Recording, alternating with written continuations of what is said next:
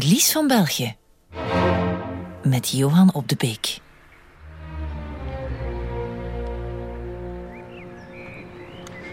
Ja, ik wandel hier door dat zonovergoten Warandenpark in het hartje van Brussel.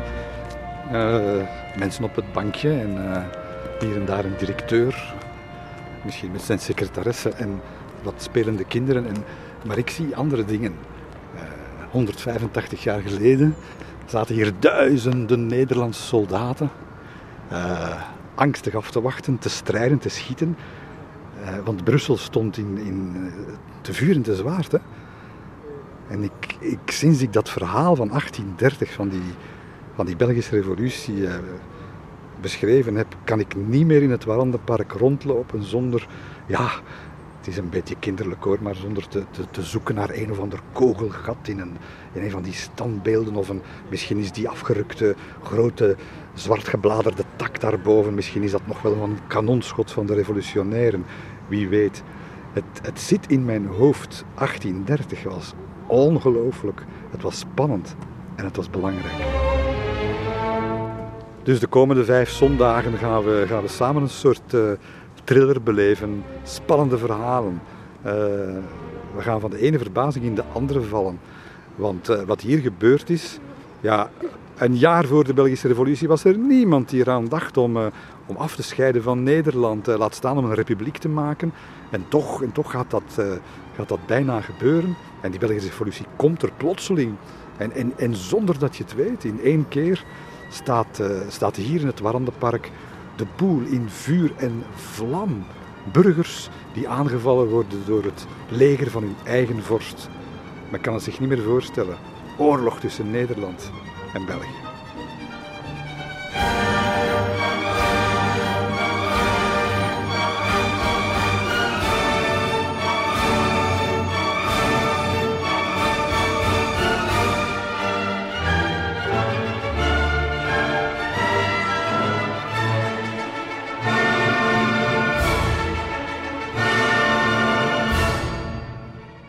Ben de koning van de Nederlanden. Ik ken mijn rechten, mijn plichten en ik zal de grondwet handhaven zoals ik gezworen heb te zullen doen.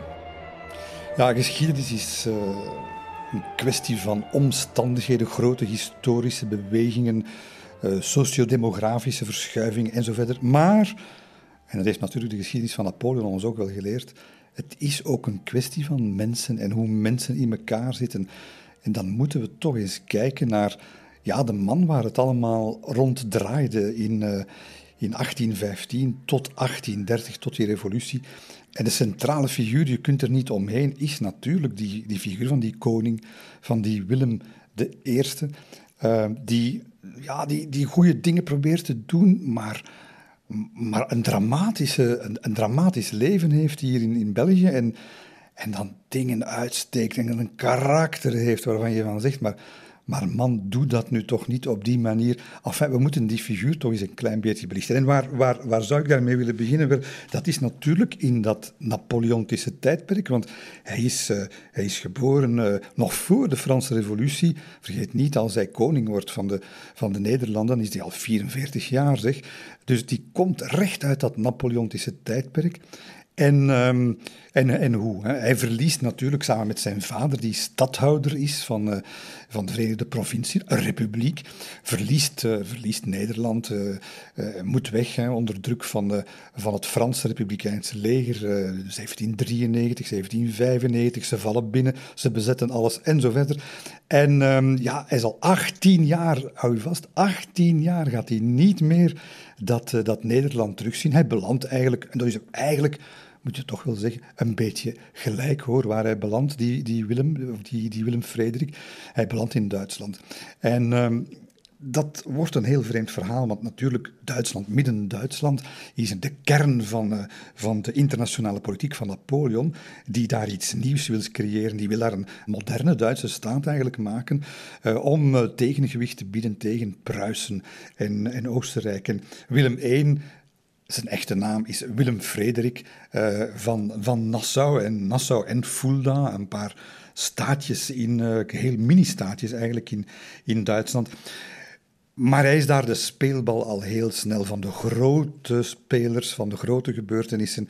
En wanneer eh, in 1806 de Pruisen besluiten om Napoleon aan te vallen, en dan natuurlijk onmiddellijk een reactie krijgen van, van, van de keizer, ja, dan gebeuren er nare dingen. Want je moet weten, voordien is, is eigenlijk onze Willem Frederik probeert toch wel wat goede maatjes te zijn met Napoleon. Hij had het in zijn hoofd om een soort consul, naar het voorbeeld van, van Bonaparte, te worden in, in Nederland. Ja, in Parijs denken ze daar nog geen twee keer over na. Dat wordt terzijde geschoven. Ja, en hij, en hij, hij schurkt zich wat aan tegen Napoleon, die dan natuurlijk, hoe zou je zelf zijn, stom verbaasd is als die Willem Frederik in 1806 plotseling tegen Napoleon kamp kiest met de Pruisen. Het loopt zeer snel dramatisch af. In de dubbelslag bij Jena en Auerstedt wordt het Pruisische leger maar ongelooflijk in elkaar ge, gedeukt door, door de Fransen. En een sideshow een beetje nabij Erfurt uh, is het uh, Willem Frederik die een stuk van het Pruisische leger onder zijn hoede heeft en die daar zonder slag of stoot tegen de Pruisische traditie in dat leger gewoon overgeeft aan de Fransen. En dat gaat hem bijzonder kwalijk genomen worden.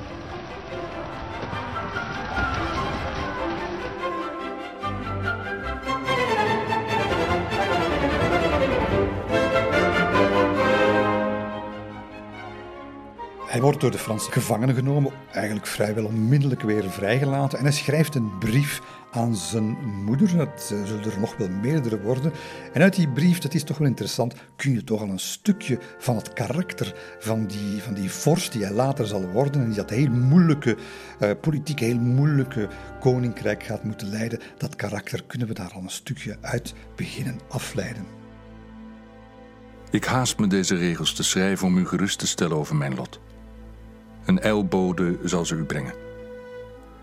Met mij gaat het goed. Ik ben niet gewond. De officieren zijn gevangenen op parool. Een aantal van hen is hier bij mij. We gaan naar Berlijn. De hertog van Brunswijk wordt vanavond verwacht. Zijn verwondingen hoeven niet dodelijk te zijn, maar hij heeft zeer veel pijn. Mijn God, wat een ontwikkeling, wat een ommekeer. We hebben het voor onze eigen ogen zien gebeuren. Intussen is het ons niet toegestaan onze ervaring aan het papier toe te vertrouwen. Maar een van de voordelen van mijn huidige situatie is dat ik hoop u op korte termijn te kunnen spreken. Ik ben inderdaad gevangene op parool. Ja, je hoort het, hè? helemaal van zijn melk, onze Willem Frederik. En ehm, dat gaat er niet beter op worden, want ja, nu beseft hij dat hij natuurlijk uh, de verkeerde kant heeft gekozen. En die Napoleon zal nu wel heel boos op hem zijn, dat uh, denkt hij ook. En wat doet hij? Hij neemt de pen. En tot grote onthutsing van bijvoorbeeld zijn uh, moeder, een Pruisische, Wilhelmina, gaat Willem Frederik een brief richten aan Napoleon, een smeekbede, een, een, een Wiedergutmachung, werkelijk. Een, hij, gaat, hij gaat door het stof en biedt zich eigenlijk opnieuw aan. En wat schrijft hij? Vanaf het moment dat oorlog dreigde uit te breken en zijn majesteit mij een bevelhebberschap in zijn legers opdroeg, was ik niet langer heer en meester over mijn eigen beslissingen. En was het lot van s leger ook mijn lot. In de handen van uw keizerlijke majesteit, aan wie ik mij eeuwig verplicht zal weten en die er mijn erkenning mee zal oogsten, ligt de mogelijkheid het lot veilig te stellen van een huis dat uw belangstelling verdient omwille van de grote mannen die het roem hebben verschaft. Sire, ik zal tot uw beschikking staan. Ja, wat horen we hier eigenlijk zeggen? Het is, het is niet echt moedig hè, wat hij hier schrijft. Het is mijn schuld niet. Uh, de omstandigheden, ik heb het niet zo gewild en nog arme ik toch en, en, en neem mij toch op, uh, vergeef het mij en zo verder. Uh, voor iemand die uh, nog een paar weken geleden vol trots naast de Pruisische vlag heeft geparadeerd. De Pruisen zullen er niet mee kunnen lachen. En, en, Napoleon, die het leest, die lacht in zijn vuistje. En hij gaat, hem, hij gaat hem, onze Napoleon, in zijn typische stijl een antwoord sturen. Een antwoord dat begint met Mon cher cousin. Mon cher cousin, het is niet aan mij een oordeel te vellen over het gedrag van uw hoogheid. Evenmin past het mij de aard van uw verplichtingen tegen elkaar af te wegen. Uw hoogheid vertelt me in zijn brief dat hij geen heer en meester was over zichzelf en dat hij daarom niet vrij was zelf te beslissen niet de strijd met mij aan te binden. Uw hoogheid zal het mij derhalve niet euvel duiden wanneer ik in Fulda een vorst wens die wel heer en meester is over zichzelf en die in staat is met mij in vrede te blijven leven. Boven dat, ik bid tot God, mijn neef, dat hij u in zijn goedertierendheid mogen behouden. Napoleon. Dit is Napoleon op zijn best natuurlijk. Uh, krijgt daar zo'n mannetje voor zich in zijn ogen dat, uh, dat de moeite waard niet is. Ik was uh, niet meester over mezelf. en wat schrijft Napoleon? Ja, ik wens dan, voel dat, een vorst die wel heer en meester is over zichzelf en die in staat is met mij in vrede te leven. Je denkt dan, Willem Frederik krijgt dat te lezen, begrijpt het boodschap en kruipt nu ergens nederig weg en wacht betere tijden af. Nee, nee, hij hij vat de boodschap blijkbaar niet, want wat doet hij? Hij schrijft opnieuw, tot ontzetting van zijn hele entourage, nog eens een brief naar Napoleon met ongeveer net hetzelfde erin. Een smeekbede aan de genereuze overwinnaar en dergelijke meer. En, uh, en deze keer uh, gaat Napoleon die brief als een propje papier in zijn prullenmand gooien. Hij wil er gewoon niks meer mee te maken hebben met deze man die eigenlijk minacht. Mijn hoop is gevestigd op de edelmoedigheid en vrijgevigheid van een genereuze overwinnaar. Het is een brief die we, die we zeker even moeten lezen, want het is een brief waarin, waarin Willem Frederik, onze toekomstige koning, zijn eigen familie, beter gezegd zijn eigen zwager, de koning van Pruisen, maar werkelijk volledig in, uh, in de kou zet, uh, volledig deelwayaal is tegenover die man. En, uh, en, ja, dat zijn dingen die Napoleon, uh, ondanks zijn vijandschap met, uh, met de Pruisen, natuurlijk helemaal niet ziet zitten. Kiesheid staat mij niet toe de koning van Pruisen nogmaals met mijn aanwezigheid te belasten.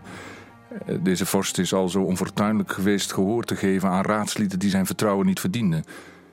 Daarom wil ik er hem niet voortdurend aan herinneren dat hij zelf de voornaamste oorzaak is van mijn beproevingen en van de rampen die mijn huis treffen.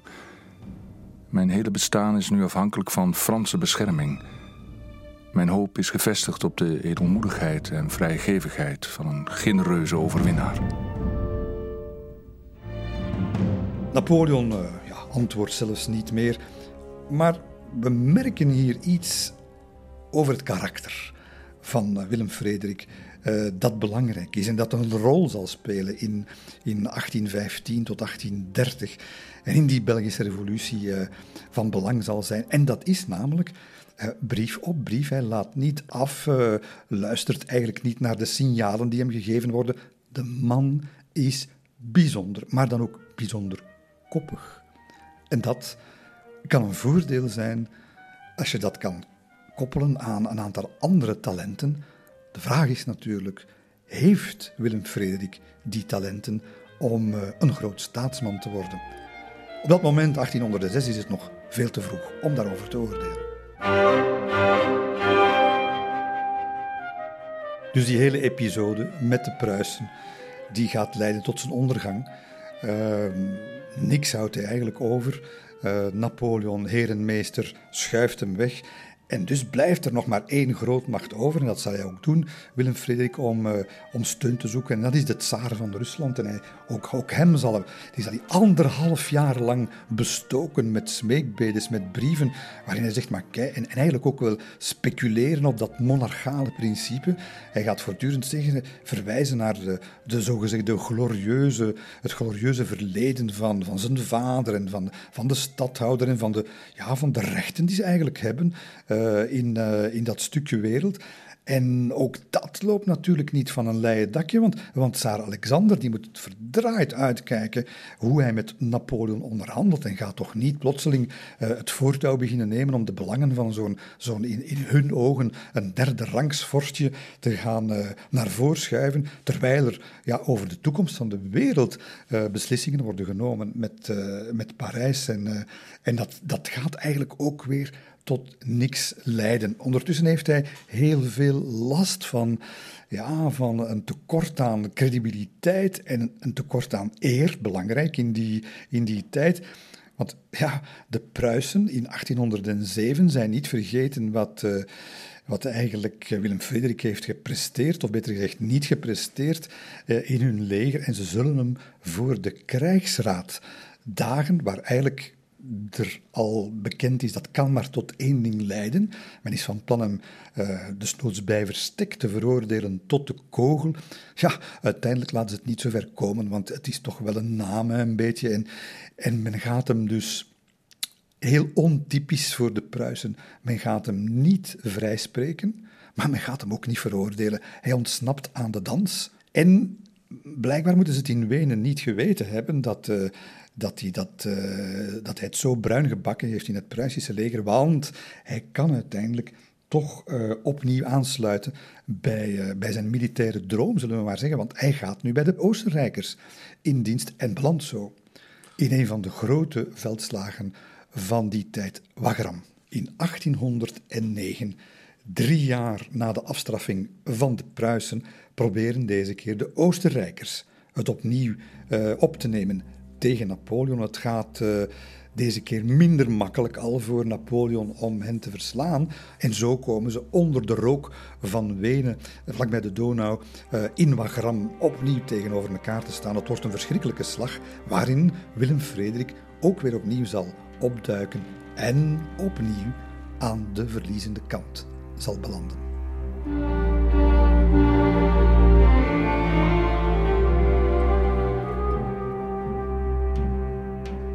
Op de rechterflank boekten we aanvankelijk succes, maar de vijand bleek te sterk. Ons verlies aan manschappen is aanzienlijk. 16 generaals zijn gedood of gewond. We hebben geen artillerie verloren en ons leger kan de vijand nog zeker het hoofd bieden. De opperbevelhebber is licht gewond geraakt. Een kogel raakte zijn schouder. Het hindert hem niet in zijn gewone taken.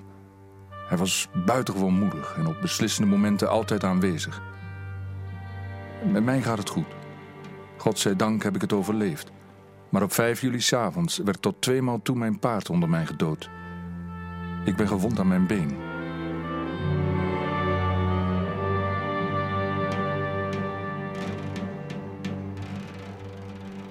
Het zal uiteindelijk uh, Napoleon zijn die de duimen moet leggen na de verschrikkelijke veldtocht in Rusland. En in 1813 is het uh, volgens de geallieerden stilletjes aan duidelijk dat ze aan de winnende hand zijn. En de Engelsen, vergeet niet, het hele Napoleontische conflict is al uh, twintig jaar en eigenlijk al een hele eeuw terug te brengen tot een, tot een conflict tussen Frankrijk en Engeland om de, ja, de wereldmacht, zullen we maar zeggen. De Engelsen beginnen naar de toekomst te kijken en ze, ze vinden dat ze eigenlijk uh, in de gebieden, de lage landen, uh, die we tegenwoordig kennen als België en Nederland, dat ze daar een bufferstaat nodig hebben. Een boulevard de l'Europe contre la France, zoals men zegt. En dat moet dus een nieuw rijk worden. Hoe dat precies uh, gestalte moet krijgen, met welke grenzen, moet, moet het zuiden daar ook bij en, en wie komt daar aan het hoofd, dat wordt nu een, een, hele, een hele discussie. En terwijl er nog volop gevochten wordt op het continent tussen de Fransen en de geallieerden in 1813, beginnen de eerste onderhandelingen. En men, ja, men zoekt natuurlijk niet alleen een land, maar men zoekt natuurlijk ook een staatshoofd. Vergeet niet, je, je, je gaat uit van het, van het monarchale principe in die tijd. En zo komt men eigenlijk ja, bij die uh, familiale traditie van die stadhouders. En de stadhouder is er niet meer, maar zijn zoon is er nog wel. En dat is Willem Frederik. Ja, je moet dan weten, die Willem Frederik, we hebben gezien, uh, heel Europa weet dat, uh, dat hij soms wel eens van gedacht kan veranderen, dat hij niet heel principesvol is en zo meer. En de Engelsen, ja, die kennen maar één belang, dat is hun belang. En die denken van, is dat wel de juiste, de juiste figuur? En de Britse minister van Buitenlandse Zaken, Castlereagh, die die is daarvoor. Maar wordt gewaarschuwd. Uh, sommigen uit zijn entourage zeggen van, die Willem Frederik, ten eerste is dat toch al wat een oudere figuur. En ten tweede, je moet eens kijken naar die zoon. Die zoon van hem, die hebben wij aan het werk gezien onder Wellington in Spanje. En dat is een militair. En dat is bovendien een, uh, dat is een jonge man, uh, vol, vol vuur en dynamiek. Zouden we die niet beter naar voren schuiven? Dat is een, een plannetje dat even... En, en bovendien, vreselijk voor Willem Frederik, maar die komt dat dan ook nog eens aan de, aan de weet, dat men aan het denken is van zouden we hem nemen of zouden we zijn zoon nemen. En hij wordt eigenlijk gered door Wellington. Wellington die de maat heeft genomen van Willem, eh, de kroonprins, de latere kroonprins. Eh, die heeft hem bezig gezien in Spanje. Inderdaad, een moedige militair, maar een lichtgewicht. Wellington heeft een aantal dingen gezien in het gedrag, en het persoonlijk gedrag ook, van die, van die zoon, die hem niet aanstaan. En hij zegt aan Castlereagh, misschien later, hè, maar op dit moment uh, nemen we veel te grote risico's als we, die, als we die man nu naar voren schuiven. En dat gaat het lot bepalen van Willem, Frederik, van zijn zoon en van ons allemaal.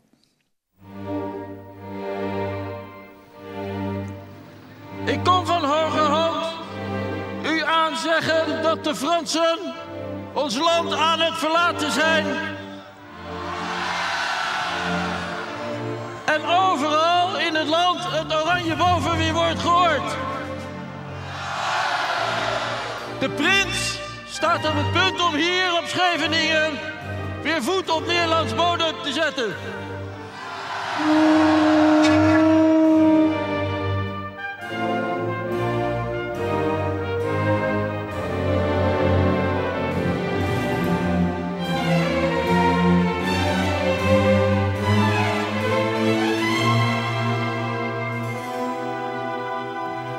En zo komt het dat uh, Willem Frederik naar voren wordt geschoven. Overigens ook omdat men in Nederland ondertussen, uh, ja, Nederland, we zullen zeggen de, de noordelijke lage landen, uh, dat men ondertussen naar de Fransen stilletjes aan het buitenkeren is. En er is eigenlijk een machtsvacuum. En dat machtsvacuum dat wordt uh, heel snel gezien door Van Hogendorp, de Rotterdamse politicus Gijsbert Karel van Hogendorp, met een aantal orangistische aristocraten. Die willen dat machtsvacuum vullen en die vinden het moment ook geschikt om, om Willem terug te roepen, Willem Frederik terug te roepen naar het vaderland. Loopt niet van een leien dakje, want waar zit hij? de, de mogelijke, het mogelijke staatshoofd, niemand weet het. Het kanaal dan maar over met een Hollandse delegatie. Ze gaan hem daar zoeken, zeg. Vinden hem niet. Tot 21 november uiteindelijk 1812 vinden ze hem daar ergens. En uh, ja, krijgt een, een officiële uitnodiging om soeverein vorst te worden in Den Haag. Dat had je hem geen twee keer moeten aanbieden. En zo komt het, met Britse toestemming uiteraard, dat hij uiteindelijk uh, de Nederlandse kust zal bereiken, ontheemd en bijna platzak, zonder land en ja, helaas ook zonder eer een beetje, begeeft hij zich naar, uh, naar de kust, naar Scheveningen. Ja, Scheveningen, naar het strand, hè, want er wordt nog altijd gevochten met de Fransen. Ze kunnen niet zomaar in een haven uh, aanleggen. En hij zal dus uh, kort voor zonsondergang voet aan wal zetten. Op hetzelfde strand trouwens waar zijn vader, de stadhouder, 19 jaar tevoren gevlucht is in omgekeerde richting naar, naar Engeland. En nu vandaag, zoveel jaren later, heeft de warrior me naar de lage landen teruggebracht om het vaderland te dienen. Om het vaderland te dienen, zo mij dat wordt vergund. Ik dank u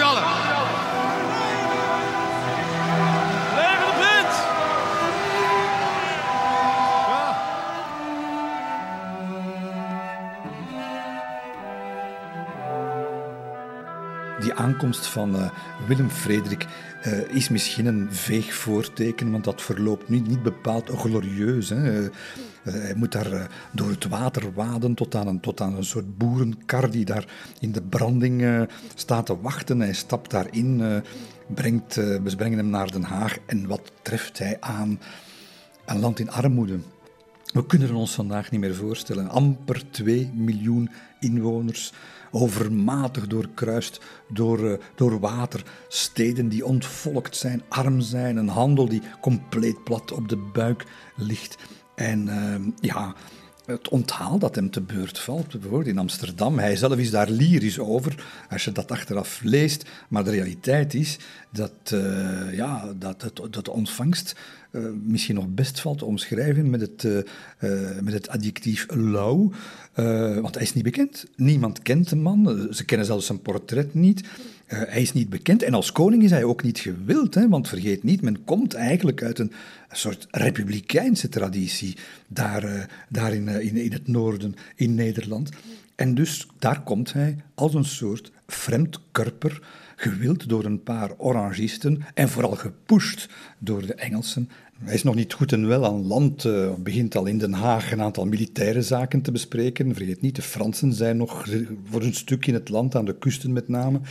En uh, wat hij ook op zak heeft, want de Engelsen hebben hem niet zomaar met lege handen het kanaal overgestuurd. Hij heeft al een eerste verklaring, een, eerste, een soort beleidsverklaring op zak. Uh, heeft hij aan Van Hogendorp, de man die hem naar Nederland gehaald heeft. En Van Hogendorp moet dat document verspreiden onder uh, de aanzienlijken en de bevolking.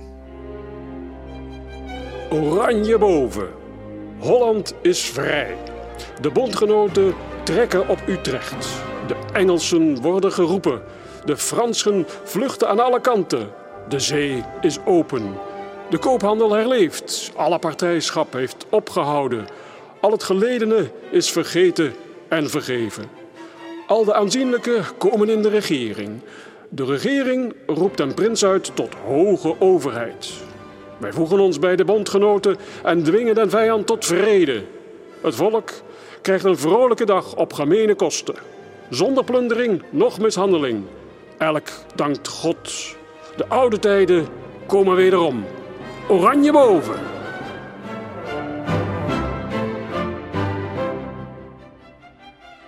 De tekst is een klassieke uh, laten we zeggen, propagandatekst van, een, van een, een, nieuw staatshoofd, tussen aanhalingstekens, want hij is dat nog niet officieel, ook zeker nog niet erkend door de andere landen. Maar wat vooral ook in die tekst interessant is, is de, de nadruk die hij zelf, Willem Frederik, legt op het feit dat hij de backing heeft, de steun heeft van niet van uh, om het even wie, nee, van de Engelse kroon. En dat is het, de rode draad die vanaf nu door het verhaal zal lopen. Het zijn de Engelsen die, dat, die die staat willen, die die Nederlandse staat willen. En zij gaan nu de kolen een beetje uit het vuur moeten halen uh, ten aanzien van de andere grootmachten tijdens de onderhandelingen die ze nu beginnen te voeren, 1813 en natuurlijk ook 1814, wanneer Napoleon echt van het eh, toneel verdwijnt.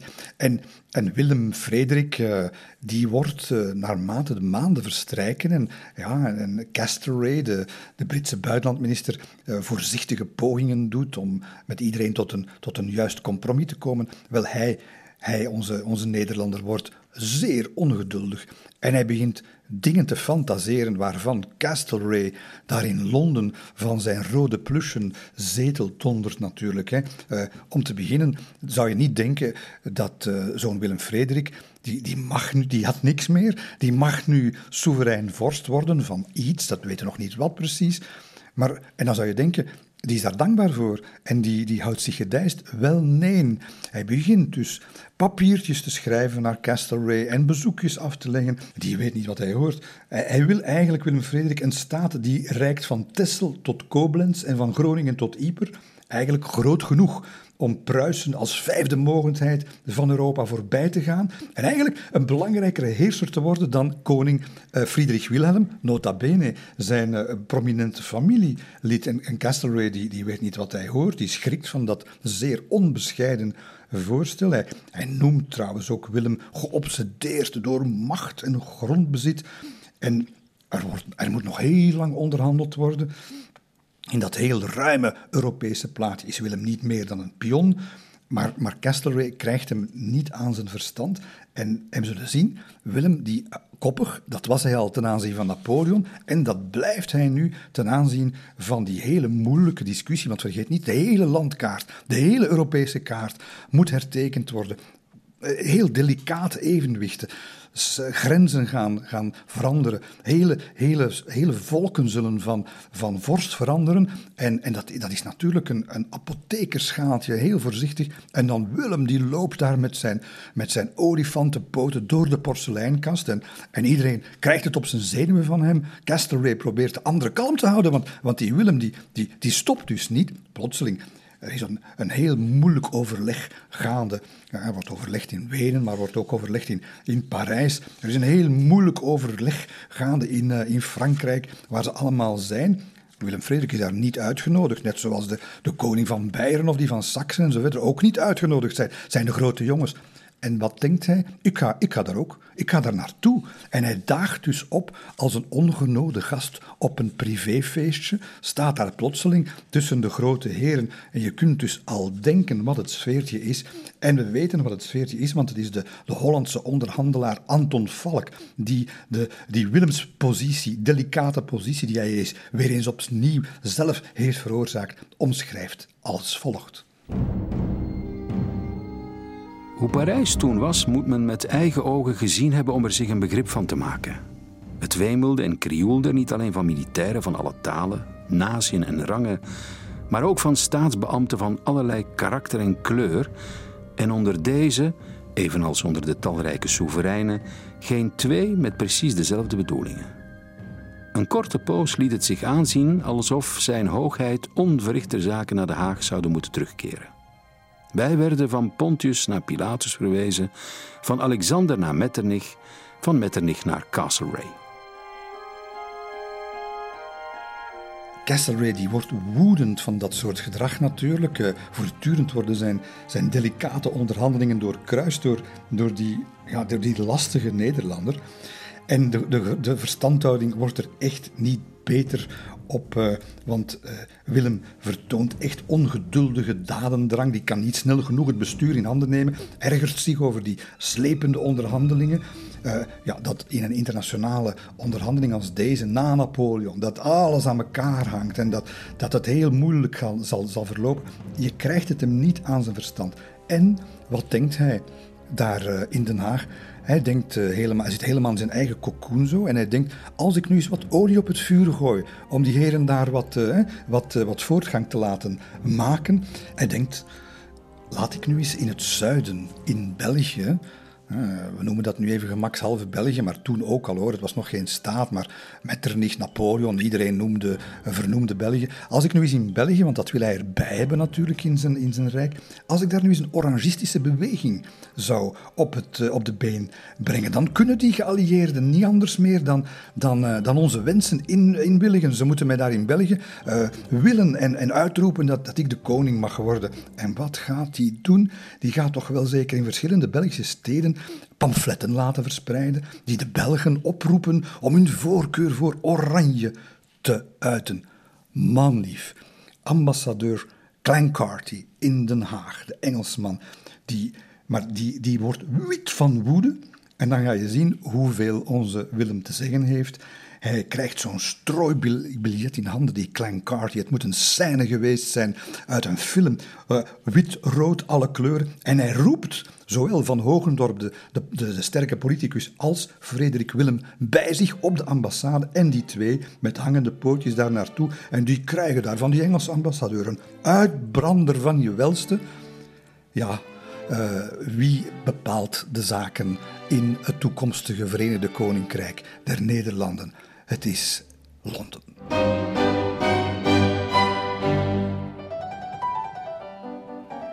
Uiteindelijk kan ik wel wat begrip opbrengen voor, die, voor dat ongeduld. Uh, natuurlijk een beetje onmatig hè, van, uh, van Willem Frederik. Want in Wenen en in al die onderhandelingen, ook na de abdicatie van Napoleon in de lente van 1814, het gaat niet vooruit. Uh, er wordt ruzie gemaakt, complotten gesmeed. Uh, de Russen tegen de rest, de Engelsen met de Fransen. Enfin, het is daar een zootje. En, en ze krijgen het niet voor elkaar, de hertekening van die kaart van, van Europa. Wie het voor elkaar krijgt, is Barempel Napoleon. Bij zijn terugkeer uit eh, Elba in eh, februari 1815. Eh, hij smeet ze aan elkaar. hij zorgt dat ze, dat ze plotseling terug beseffen van we moeten, we moeten iets doen. En, en hij zal eigenlijk, zijn terugkomst van Elba zal eigenlijk ertoe leiden dat dat congres van Wenen plotseling wel in gang schiet. Wie ook in gang schiet, want het is natuurlijk geen dommerik, onze Willem Frederik die van eh, Napoleons terugkeer uh, naar het continent, uh, rep en roer natuurlijk, gebruik maakt van die chaos die er overal is, gebruik maakt, heel handig, om op 16 maart 1815 de Staten-Generaal gauw gauw in een extra zitting bij elkaar te roepen in de, in de Trijvenzaal, in het Binnenhof in Den Haag. En hij laat zich daar tot koning der Nederlanden uitroepen. Vanaf nu is hij Willem I. Het is niet ene strook lands, zegt hij. Het zijn niet enige weinige districten die aan het vaderland worden toegevoegd, zegt hij tijdens die troonsaanvaarding. Hij zegt, en hij heeft het over België. Een geheel volk. Een volk reeds vooraf door zijn zeden, taal en nijverheid en door zijn herinneringen zelf met ons verbroederd, komt ons tegemoet. En betuigt zijn verlangen om alle die betrekkingen door de band in een gemeenschappelijke regering te bevestigen betuigt zijn verlangen, zegt hij, om alle die betrekkingen door de band ener gemeenschappelijke regering te bevestigen. Blakend van optimisme is Willem, en dat nota bene, terwijl geen enkel Europees staatshoofd heeft gezegd: ja, je mag koning worden. Dat stond wel een beetje in de sterren geschreven, maar hij doet maar, hij pakt en hij heeft het.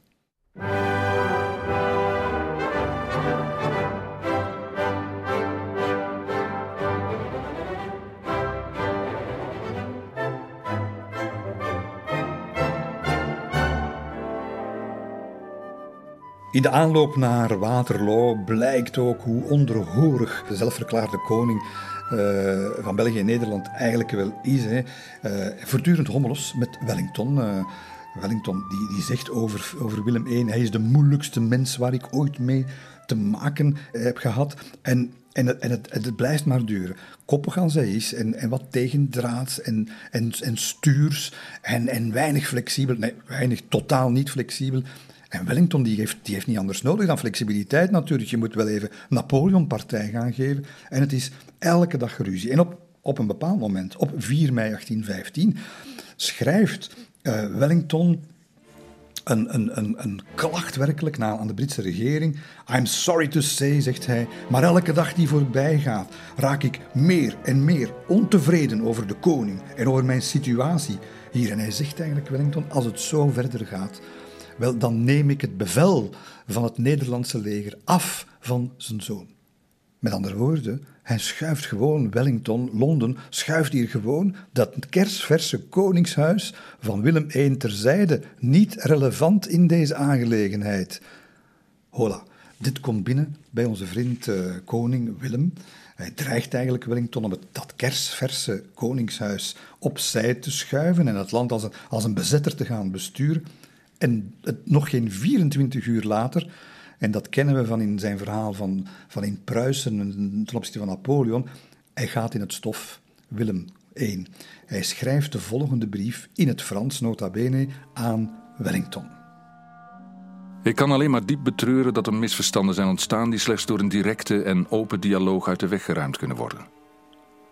Sinds uw aankomst in België heb ik me ingespannen om u op ordentelijke wijze het opperbevel te geven, waarvan ik dacht dat u het door eerdere beslissingen al gekregen had. Er zijn brieven geschreven naar de Britse regering om uit te praten op welke wijze dat opperbevel gestalte zou krijgen. En in afwachting van een antwoord heb ik geoordeeld geen actie te moeten ondernemen. Nu ik uw verlangens ken, zal ik elke andere overweging laten varen en nog vandaag zal ik de nodige decreten uitvaardigen, waarvan de vertaling in bijlagen. In zoverre u me zult meedelen dat deze uw wensen vervullen, zal ik de teksten zoveel aanpassen als u goed dunkt. Ik hecht immers te veel belang aan het geluk van mijn zonen om te mogen dienen onder zo'n groot veldheer. De oudste is nog door u zelf opgeleid. En aan de eer en de glorie die mijn leger onder uw leiding zal oogsten, op dat ik niet zou tegemoetkomen aan uw wensen nu ik er echt weet van heb. Ik ben ervan overtuigd dat mijn leger zich uw leiderschap waardig zal tonen en dat u ten aanzien van mijn leger de gepaste houding zal innemen, zoals we eerder hebben besproken. Ik laat me er niet mee in, omdat ik ervan uitga dat de generalissime weet wat nodig is. Ja, Wellingtons neus moet gekruld hebben bij uh, die Nederlandse onderdanigheid van, uh, van de koning. Het is duidelijk hoe de Europese rangorde eruit ziet.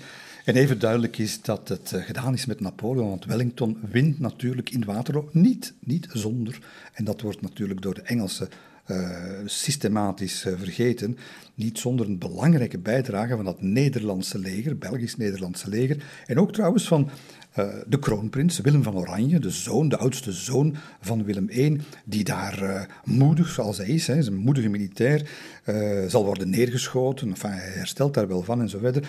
Maar dat optreden het militaire optreden in Waterloo van de kroonprins Willem van Oranje zal weerklank vinden in heel Europa.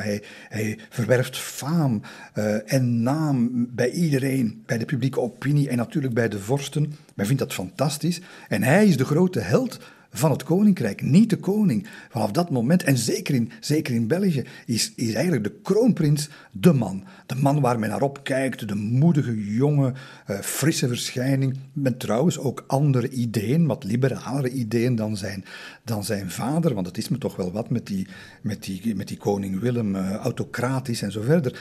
En dus vanaf dat moment zie je niet alleen een militaire overwinning voor de geallieerden en het Nederlandse leger, maar ook een overwinning van de kroonprins op zijn vader. En dat gaat politieke gevolgen hebben, grote politieke gevolgen, 15 jaar later tijdens de Belgische Revolutie.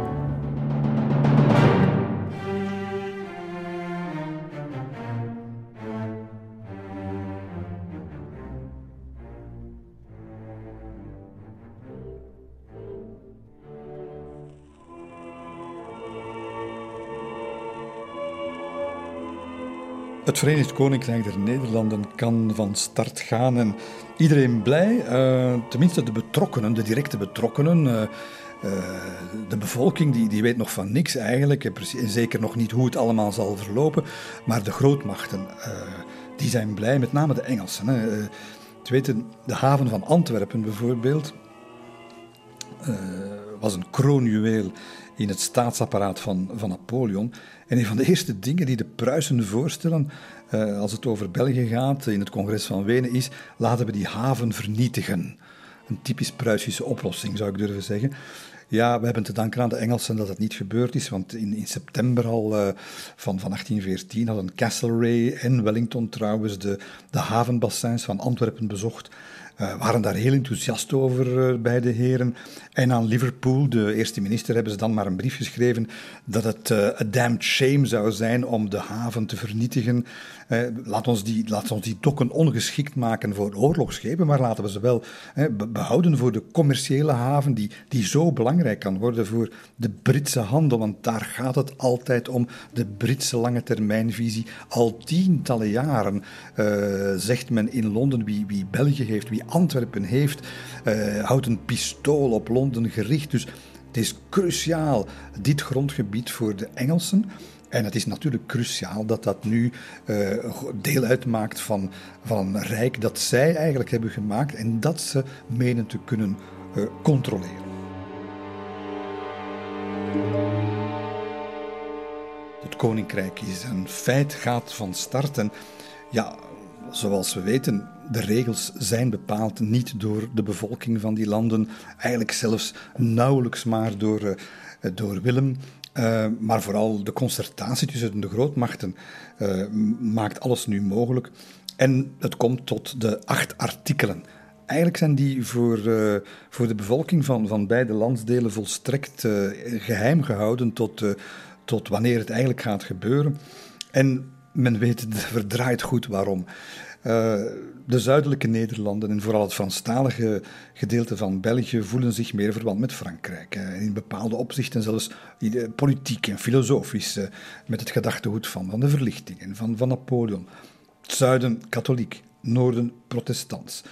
En in die tijd betekent dat eigenlijk wel heel veel hoor. Een gemengd huwelijk bijvoorbeeld tussen mensen van een verschillend geloof is in die tijd onmogelijk, tenzij je de paus in hoogst eigen persoon uh, laat, laat tussenkomen. Dus daar is een, een diep geworteld wantrouwen tussen de katholieken hier in België voor de bemoeizucht en, en de zieltjeswinnerij van de protestanten. En de protestanten zelf, die vinden de katholieken bekrompen en, en achterlijk. En, en ze moeten elkaar eigenlijk helemaal niet. En dat wordt ook uh, verwoord door, een, door, een, uh, door, door, de memoires van een, een Brits officier die, wanneer hij hier gestationeerd is onder Wellington, na de val van Napoleon, die schrijft eigenlijk: uh, Kijk, wij staan hier in theorie om de Fransen buiten te houden, maar je hebt toch sterk de indruk dat onze bajonetten eigenlijk alleen maar dienen uh, om ervoor te zorgen dat dat koninkrijk blijft bestaan en dat die twee bevolkingsgroepen elkaar niet, uh, niet in de haren vliegen. Dat, dat hebben de buitenstaanders al lang begrepen, maar men zoekt het natuurlijk ook wel een beetje. Hè. Uh, om te beginnen, die Belgen worden op geen enkele manier gekend in die fusie. Niemand maalt daarom, Castlereagh nog het minste. Hij heeft geen greintje kennis van al die plaatselijke gevoeligheden.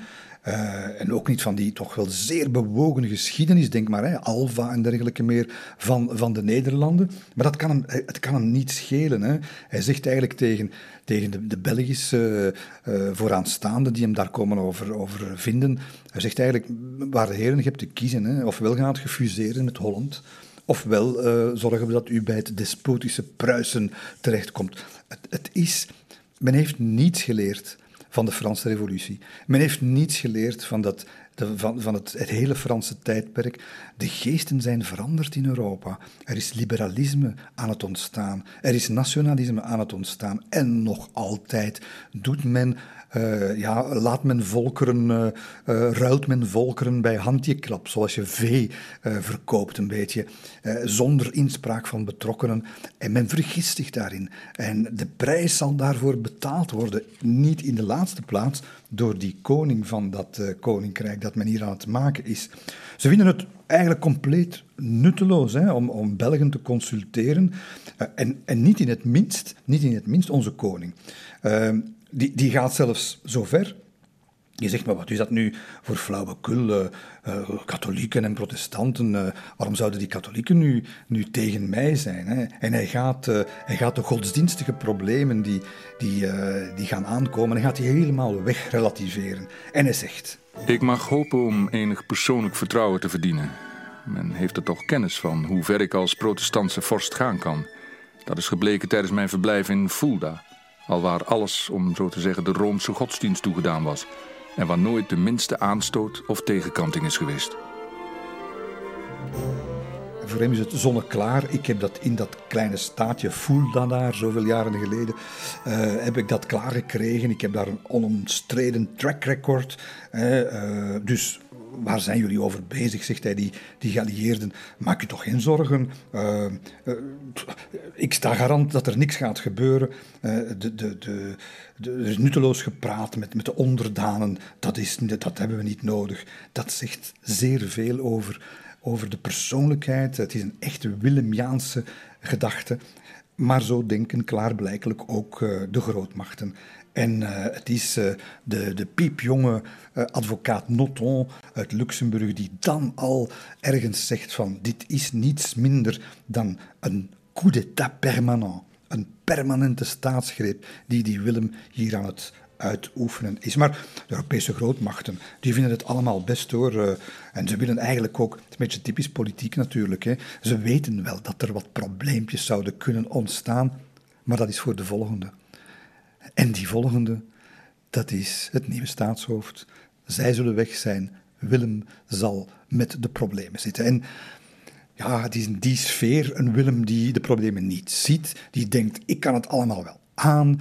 Uh, wij, uh, wij zullen dat voor elkaar krijgen, deze union intime et parfaite. Een, intieme unie, een perfecte unie. Uh, vol optimisme gaat hij in september de eed afleggen op het Koningsplein in Brussel. Een moment van glorie, een moment van fanfare en van, ja, van alles wat erbij hoort, van schitterende uniformen en opdravende paarden.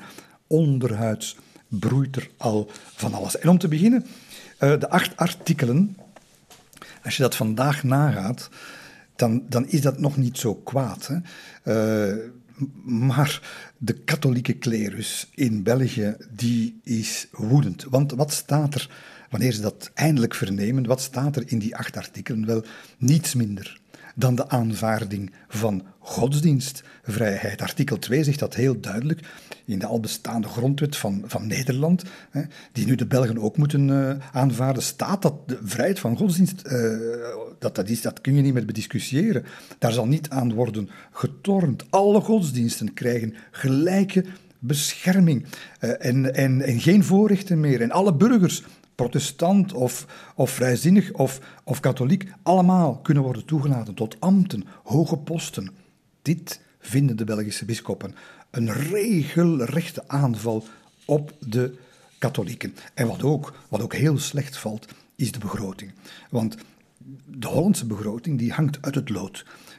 575 miljoen gulden schulden, terwijl de Belgische staatsschulden, dat is 27 miljoen. Dus het is een innige vereniging, maar zeker geen rechtvaardige, hè, zegt men in het zuiden. Want wij gaan, wij gaan, wij gaan moeten opdraaien, wij gaan de, de Hollandse putten, de Hollandse financiële putten, wij zullen, ze moeten, wij zullen ze moeten opvullen. En dan nog de politieke vertegenwoordiging, de Staten-Generaal, dus de volksvertegenwoordiging.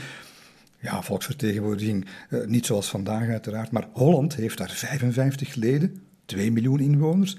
En België, 3,5 miljoen inwoners, ook 55 leden. En zo gaat dat maar door. En dat, dat, ja, men begint dat allemaal, ondanks die prachtige vertoningen daar op het Koningsplein, wanneer Willem eh, zijn eed komt te afleggen, men, dat begint langzaam door te dringen tot de, de Belgische elite, dit een, uh, helemaal, wat hun betreft, helemaal geen innige vereniging mag zijn, zal zijn. Het protest begint te smeulen, de tegenstand begint te groeien.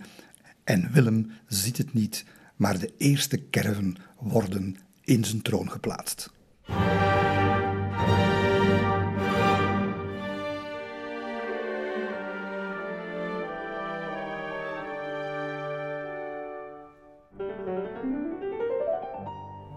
Ja, het moet wat geweest zijn voor die, die Willem I. Hij is het eindelijk. Hè. Eh, gisteren nog in zak en as, een man zonder land en zonder eer. En nu zit hij daar in dat uh, mooie paleis Noordeinde en in Den Bosch Den Haag. We zien hem zo zitten met die lange bakkenbaarden en die, die strenge Pruisische lippen. Het was meer een Duitser eigenlijk dan een Nederlander uh, in, die, in die eerste jaren. En gereid begint hij eraan. En het eerste wat hij moet doen, is natuurlijk die nieuwe grondwet ja, die is nog niet in het zuiden, in België zullen we maar zeggen, aanvaard. En hij gaat dat, uh, hij gaat dat eens even aanpakken. Vergeet niet, de Belgen zijn met veel meer dan de Hollanders tussen aanhalingstekens. En dus uh, een beperkt groepje van een 1600 afgevaardigden die de Belgische bevolking moet uh, voorstellen of vertegenwoordigen. Trouwens, stuk voor stuk geselecteerd door Willem persoonlijk.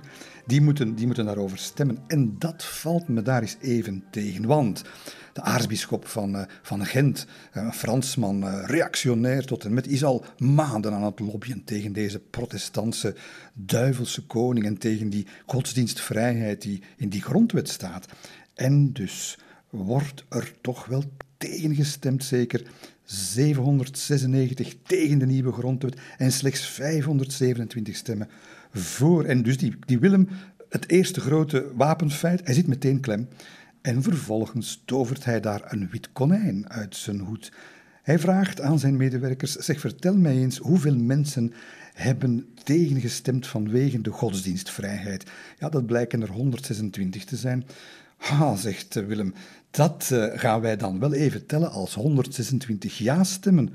Hoe, kan dat nu? Ja, dat is heel simpel, zegt hij. De acht artikelen, ondertekend door alle grootmachten van Europa, die dat nieuwe koninkrijk vormgeven, wel, die acht artikelen, die stelden heel uitdrukkelijk dat de godsdienstvrijheid, daar kan niet meer aan gesleuteld worden in de grondwet. Dus die 126 figuren, die hebben gewoon... Eh, dat, dat kon niet dat dat een nee-stem was. Dus wat hem betreft kunnen al die nee-stemmen, dus in alle gemoedsrust, gewoon tot ja-stemmen worden omgedoopt. En, en dan geraakt hij nog niet aan zijn meerderheid en hij telt de 281 afwezigen, die telt hij ook nog eens als ja-stemmen. Ja, dat is dus uh, Hollandse rekenkunde. Kunt denken dat dat dus in België, bij de klerus bijvoorbeeld, die worden er helemaal wit heet van woede van. Maar hij heeft het binnen, hij heeft zijn grondwet binnen. Uh, is dat beginnend op een goede voet met een deel, groot deel van de bevolking die hem sowieso al niet lust? Nee, natuurlijk niet. En het gaat uh, niet beter worden, want in de achtkoppige regering, hoeveel zuidelijken zitten daarin? Uh, koning Willem? Ja, twee op de acht, terwijl de overgrote ja, de grote meerderheid toch wel, ik komt uit het zuiden. En dan natuurlijk de manier van besturen. En daar gaan we natuurlijk de, de kiemen van de Belgische opstand ook zien. Um, eigenlijk de wetgevende macht, die, die berust ja, bij, uh, bij de regering en bij de Staten-Generaal, volksvertegenwoordiging zogezegd, samen. Maar die ministers, die hebben geen ministeriële verantwoordelijkheid. Dat zijn eigenlijk loopjongetjes van de koning. En die doen volledig zijn zin. En die kabinetsraad, dat is een praatbarak. En weet, weet je dan hoe hij dat dan zelf noemt? Hij zegt, dit is een getemperde monarchie. Ja, waar die tempering dan precies te zoeken is, dat is natuurlijk een raadsel gebleven, want deze vorst kan volledig zijn gang gaan. En dat past natuurlijk bij dat karakter van die Willem, koppig en eigenzinnig, stug. Man die echt diep gelooft in, in geheim besturen. Hè? En, in een parlement dat je best gewoon in het ongewis laat over over alles. En, en dat, dat wordt bijzonder goed aangevoeld door iemand die hem nog verschrikkelijk in de wielen gaat rijden, namelijk zijn eigen zoon, de erfprins. En die geeft een gesprek met zijn vader als volgt weer. Ik vond mijn vader druk met de grondwet geschreven door Van Hogendorp. Hij heeft mij haar laten lezen en vroeg mijn advies over dit stuk. Ik zei hem dat het mij leek dat hij daardoor zijn handen niet te veel bond en ik kreeg als weerwoord ik heb het met opzet zo gemaakt, want ik vermoedde al deze mening van u. Ja, dat, dat, dat voel je al, die twee zitten niet op dezelfde golflengte. Er zijn altijd verschillende interpretaties te geven. En deze grondwet moet slechts worden beschouwd als een speeltje gelegd in de handen van de menigte. Als illusie voor de vrijheid, terwijl men haar plooit naar de omstandigheden. Als illusie voor de vrijheid, terwijl men haar plooit naar de omstandigheden dat is nu koning Willem I, de monumentale koning Willem I ten voeten uit. Een verlicht despoot.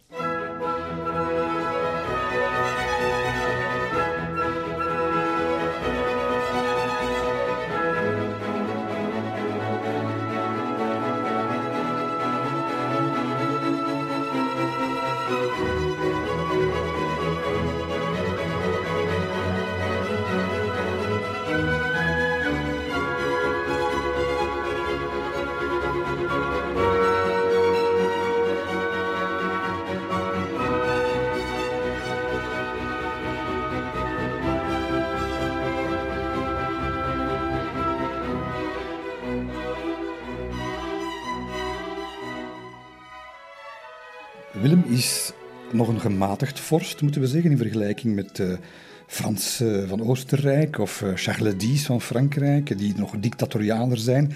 Maar belet niet dat hij eigenlijk ja, zijn wil oplegt via koninklijke besluiten. Uh, de Tweede Kamer, is een gezelschap van ja-knikkers. Die, die hebben eigenlijk in, in al die jaren bijna nooit hun mond open gedaan. In zoverre dat de grote liberale Nederlandse staatsman Thorbecke, die, die later dan wel, veel later, de, de Nederlandse grondwet een beetje naar het model van de Belgische gaat moderniseren, die gaat zeggen: er was ene volksvertegenwoordiging, doch zonder wortel in het volk, zonder vastigheid in een algemeen gevoel van behoefte. En de regering die bleef in het kabinet bedekt en geheimzinnig. Dat zegt de liberale staatsman Thorbecke, later de, grondlegger van, van de Nederlandse parlementaire democratie. En Willem omringt zich ook door scherpslijpers van de Eerste Orde en met name een man die die gaat zorgen dat, uh, dat de Belgen uh, echt kwaad gaan worden. En dat is zijn minister van Justitie, Cornelis Felix van Manen. Onthoud de naam. Uh, hij is nog minister geweest van Justitie en van Politie onder Napoleon, hè, onder de broer van Napoleon in Nederland. Een echt product van de Napoleontische staatsopvatting. Centralistisch, gepokt en gemazeld in, in, het, uh, in het centralistische bewind. Heel intelligent, harde werker. Hij bemeestert zowel het Frans als het Nederlands, maar het is iemand die de politieke problemen het liefst oplost met censuur, met repressie en met politionele harde actie. En dat is de man waarop Willem enorm gaat steunen. Dat is de man die hem gaat beïnvloeden. En dat gaat uh, niet goed aflopen. Uh, stilletjes aan krijg je toch uh, in, in, dat, in dat, vooral in het zuiden natuurlijk, in België, krijg je ja, die, die aanhoudende weerstand van, van de katholieke elite, maar niet alleen van hen. Meer en meer, en dat is natuurlijk wat niemand ziet aankomen in die, in die, in die, in die, heersende, in die heersende klasse, ja, het liberalisme is geboren. Men beseft het uh, toen nog niet, nu vandaag weten we het allemaal natuurlijk, maar de jonge generatie is nu aan zet. En dat zijn in, uh, in België, met name in Brussel, maar ook wel in Gent en in Luik, dat zijn, ja, dat zijn meestal intelligentsia, dat zijn advocaten en dergelijke meer.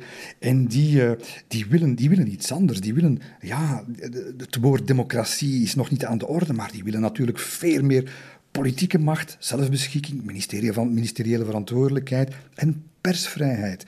En dat zijn mensen waar, waar Willem en zeker Van Manen geen weg mee weten. Ze vinden dat lastige kinderen. Die, uh, je moet die uh, de broek aftrekken en eens goed op de billen kletsen. En dan gaan we weer verder naar de orde van de dag. Zo denken ze daarover, maar het gaat, het gaat niet pakken.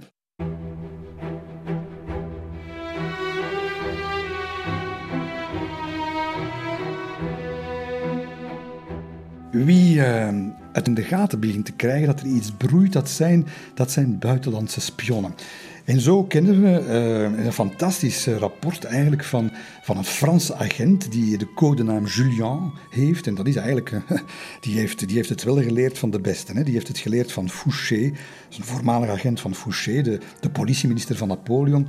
En die bespioneert in Brussel zowat alles en iedereen. En die man begint, die Julien, die begint rapporten te sturen.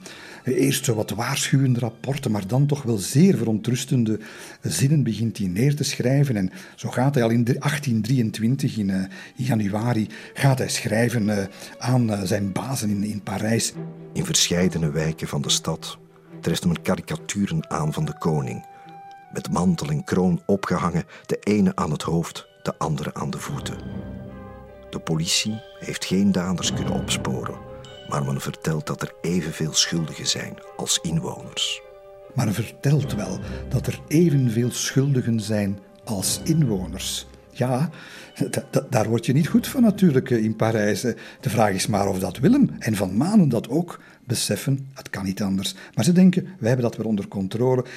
Tegelijkertijd zie je hier ook dat Frankrijk begint grote belangstelling te vertonen voor België. Een lekkere, hapklare brok natuurlijk, niet verwonderlijk. Sinds mensenheugen is, en natuurlijk sinds Napoleon, is deze regio van uitzonderlijk geopolitiek belang. Zowel voor Londen als voor Parijs. En dus allebei hebben ze natuurlijk spionnen. En die Franse spion, die Julien, die komt nog iets anders aan de weet. Die wordt op de hoogte gesteld van een vertrouwelijk gesprek tussen Willem I en uh, graaf van Bijland, een van zijn vertrouwelingen, uh, die dat dan blijkbaar toch ergens moet uh, tussen pot en pint of waar dan ook gelekt hebben. En daarin voel je dat Willem, ondanks het feit dat hij, dat hij naar buitenuit de koning is en alles onder controle heeft, dat hij bitter wordt over de weerstand, dat geknaag aan zijn troon van die katholieken en die jonge liberalen die lastig beginnen te doen. En hij, hij gooit het allemaal, hij smijt het er allemaal uit tegen van Bijland. Ik weet dat ik volgens het diplomatiek korps en de Europese regeringen niet goed lig bij de opinie. Maar ik zou hem wel eens in mijn positie willen zien standhouden tegen al die verschillende en onderling tegengestelde belangen. Ik heb het al vaak gezegd aan Klein Carty. Had ik alleen maar mijn Holland, ik zou honderd keer gelukkiger zijn. De geallieerden hebben me toch dit land niet gegeven om het bloot te stellen aan dit soort invloeden. Deze situatie kan niet blijven duren. Dat, dat, hij, gooit het, hij gooit het van zijn lever. En hij uh, zegt dan nog, die van Bijland, die staat daar met knikkende knieën naar, naar te luisteren. Die, die vraagt, uh, die vraagt uh, mogen ze dat in Frankrijk weten? Ja, zeg het maar. Hè. Iedereen moet begrijpen waar ik sta, roept Willem je, je, je, hebt er eigenlijk een beetje mee te doen hè, met Willemij. Je, je voelt daar de man die, die van zichzelf vindt, maar wat, is dat nu? Ik, ik doe het goede. Dat is, dat is allemaal voor het goede algemeen belang. En, en, en, en ze willen me niet en ze, ze ondergraven mij. Het is zelfs zo ver gekomen dat hij in eigen kring, in zijn eigen hofhouding, voelt hij het. Hè. Voelt hij het wantrouwen bij die, Belgische, bij die Belgische elite. Zijn, uh, zijn hofmaarschalk. Uh, dat zijn natuurlijk belangrijke personages. Hè. Graaf François de Mercy-Argenteau. Hij komt erachter, onze Willem, dat die, die, die vertrouweling, dus een topfiguur in het hof in Brussel, dat hij zijn kinderen naar Franse katholieke scholen stuurt. Dat terwijl een van de grote drijfveren van Willems beleid het grootmaken is van de openbare school en het, en het terugdringen van de macht van de katholieke geestelijkheid in het onderwijs. En, en, en zijn eigen hofmaarschalk die gaat naar een, naar een katholieke school. En hij, hij begint daar een gesprek over met Merci Argenteau, een lid van een uiteraard zeer oude katholieke adellijke familie. En uh, ja, die had gehoord van een, van een priester dat, het, dat Belgisch onderwijs op niks trekt, goddeloos is, door slecht is. En de koning zegt, ja, sorry maat, maar dat is niet waar. Hè? Eh, en ik verwacht van mijn, van mijn vertrouwelingen dat u het goede voorbeeld stelt. Ah, wel, merci Argenteau, die zegt, eh, merci zegt hij, hij zegt, eh, ik ga nog liever weg uit dit land dan verplicht te worden te kiezen voor de openbare school. En die Willem die draait, zijn, die draait zich om en die roept, wel meneer, dan staat het u volkomen vrij om dat te doen. Boem, het gebeurt drie dagen later. Merci Argenteau gooit zijn paleissleutels op het bordes en, en, hij, en hij trapt het af uit de hofhouding. Dat soort sfeer heerst er aan dat, aan dat hof van, uh, van Willem. Je zou er bijna medelijden met krijgen. Het is een beetje de tragiek ook van deze, van deze, van deze koning. Uh, het is bijna een Shakespeareaanse figuur, Willem, daardoor dat hij, dat hij goede dingen probeert, goede dingen wil, en dan op politiek vlak de kunde niet heeft, want hij is natuurlijk geen Napoleon, de kunde niet heeft en de, en de, ja, de, de stamina niet heeft en vooral het, het, het grote strategische doorzicht niet heeft om, dat, ja, om compromissen te sluiten, om, om uh, uh, listig te werk te gaan en, en op de duur toch zijn slag te slaan. Dat is een zwakke kant, gaat goede dingen doen, maar hij gaat oh zo dwaas te keer als het gaat om politiek staatmanschap.